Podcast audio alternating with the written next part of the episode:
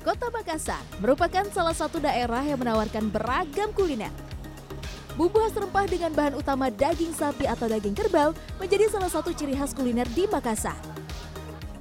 Di antaranya coto Makassar, palu basah, hingga sop konro. Di balik kelezatan dan keunikan kuliner tersebut, mengandung juga sejarah yang menarik untuk ditilik. Menurut Tasrifin Tahara, Ketua Departemen Antropologi Universitas Hasanuddin, beragam makanan berkuah dengan rempah sudah menjadi ciri khas sejak abad ke-16 atau pada 1538 Masehi silam. Peran Makassar dalam perdagangan rempah dunia membentuk sejarah kuliner kota Angin Mamili tersebut. Akan corak perjumpaan kebudayaan maritim dan agraris karena letak kota Makassar itu merupakan singgahan dari eh, bangsa-bangsa lain seperti di timur Chinese Arab yang melakukan pelayaran-pelayaran jalur rempah. Coto Makassar adalah makanan berkuah dengan irisan daging dan jeruan sapi. Isiannya direbus dengan bumbu racikan khas masyarakat Makassar. Disajikan dalam mangkuk bersama buras atau ketupat.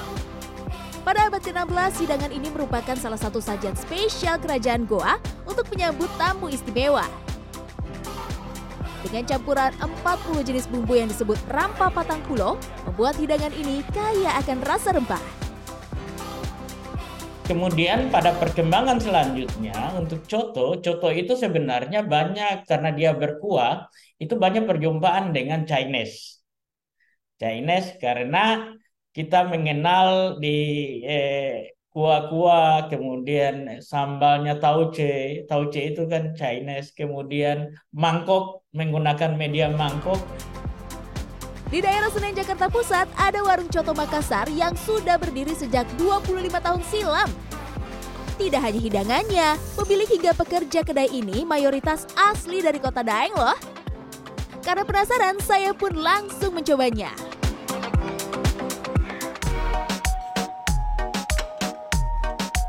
Selain coto, ada juga sop konro, makanan berkuah lainnya yang ada di kawasan Kelapa Gading, Jakarta Utara.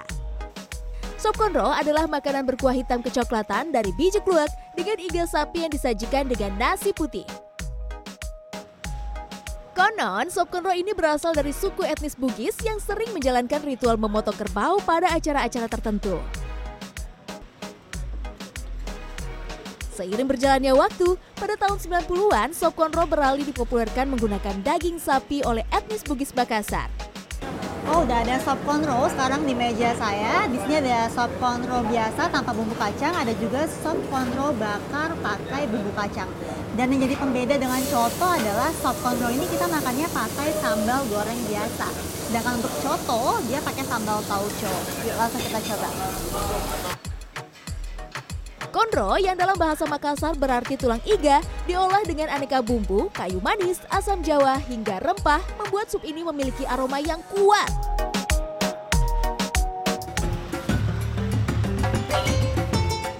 Nah, hidangan berkuah selanjutnya saya akan mencoba masakan mirip dengan coto Makassar. Namanya palu basah. Lokasinya masih di sekitar Kelapa Gading, Jakarta Utara. Palu basah dulunya merupakan hidangan yang disajikan untuk kalangan kelas pekerja dengan bahan yang lebih merakyat seperti kelapa yang disangrai. Selain menggunakan daging, penikmat palu basah juga bisa menambahkan topping kuning telur yang langsung diaduk pada kuah panas. Makanan berkuah kaya rempah ini sudah dinikmati oleh semua kalangan, bahkan di kota-kota besar. Saat ini, warga Jakarta dengan mudah bisa menemukan aneka makanan berkuah khas Makassar tetap dengan cita rasa yang otentik. Apa ya perbedaan kuliner berkuah tersebut? Kalau palu basah dia lebih ada serbuk kelapanya ya, yang di apa yang di oseng gitu, yang digongseng gitu. Kalau kontrol kan dia lebih kayak ke dibakar gitu tulangnya gitu, di tulang tulang iga. Kalau biasa kan yang iga bakar ini kan kuahnya terpisah, terus dipanggang gitu iga So, kalau yang coto ini kayak seperti soto daging biasa gitu kan karena langsung dicampur. Hmm, semua kuliner berkuah asal kota Makassar ini masing-masing memiliki rasa yang khas dan tentunya menggugah selera. Jadi selamat mencoba. Tim Liputan CNN Indonesia Jakarta.